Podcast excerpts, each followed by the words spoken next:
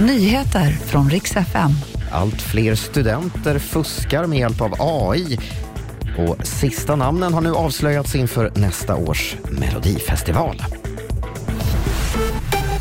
Morgon. Vi ska börja i Malmö där två män har hittats döda i en bil i vattnet i Industrihamnen. Bilen som bärgades igår kväll tros ha kört av kajkanten och ner i vattnet av oklar anledning.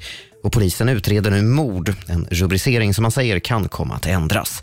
Det finns i nuläget inga misstänkta i utredningen.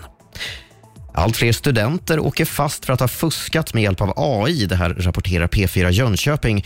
Över 90 personer har fått en varning för att ha använt chattrobotar som till exempel ChatGPT vid hemtentor och inlämningsuppgifter i år. Förra året var den siffran noll. Och fusket är utbrett bland såväl blivande läkare och ingenjörer som bibliotekarier. För att stävja detta ser det ut att bli fler övervakade salstentor framöver. Och till sist, idag på förmiddagen kommer SVT avslöja officiellt vilka artister som tävlar i Mello nästa år. Aftonbladet har ju redan avslöjat dem en efter en de senaste veckorna och igår kväll kom de sista namnen.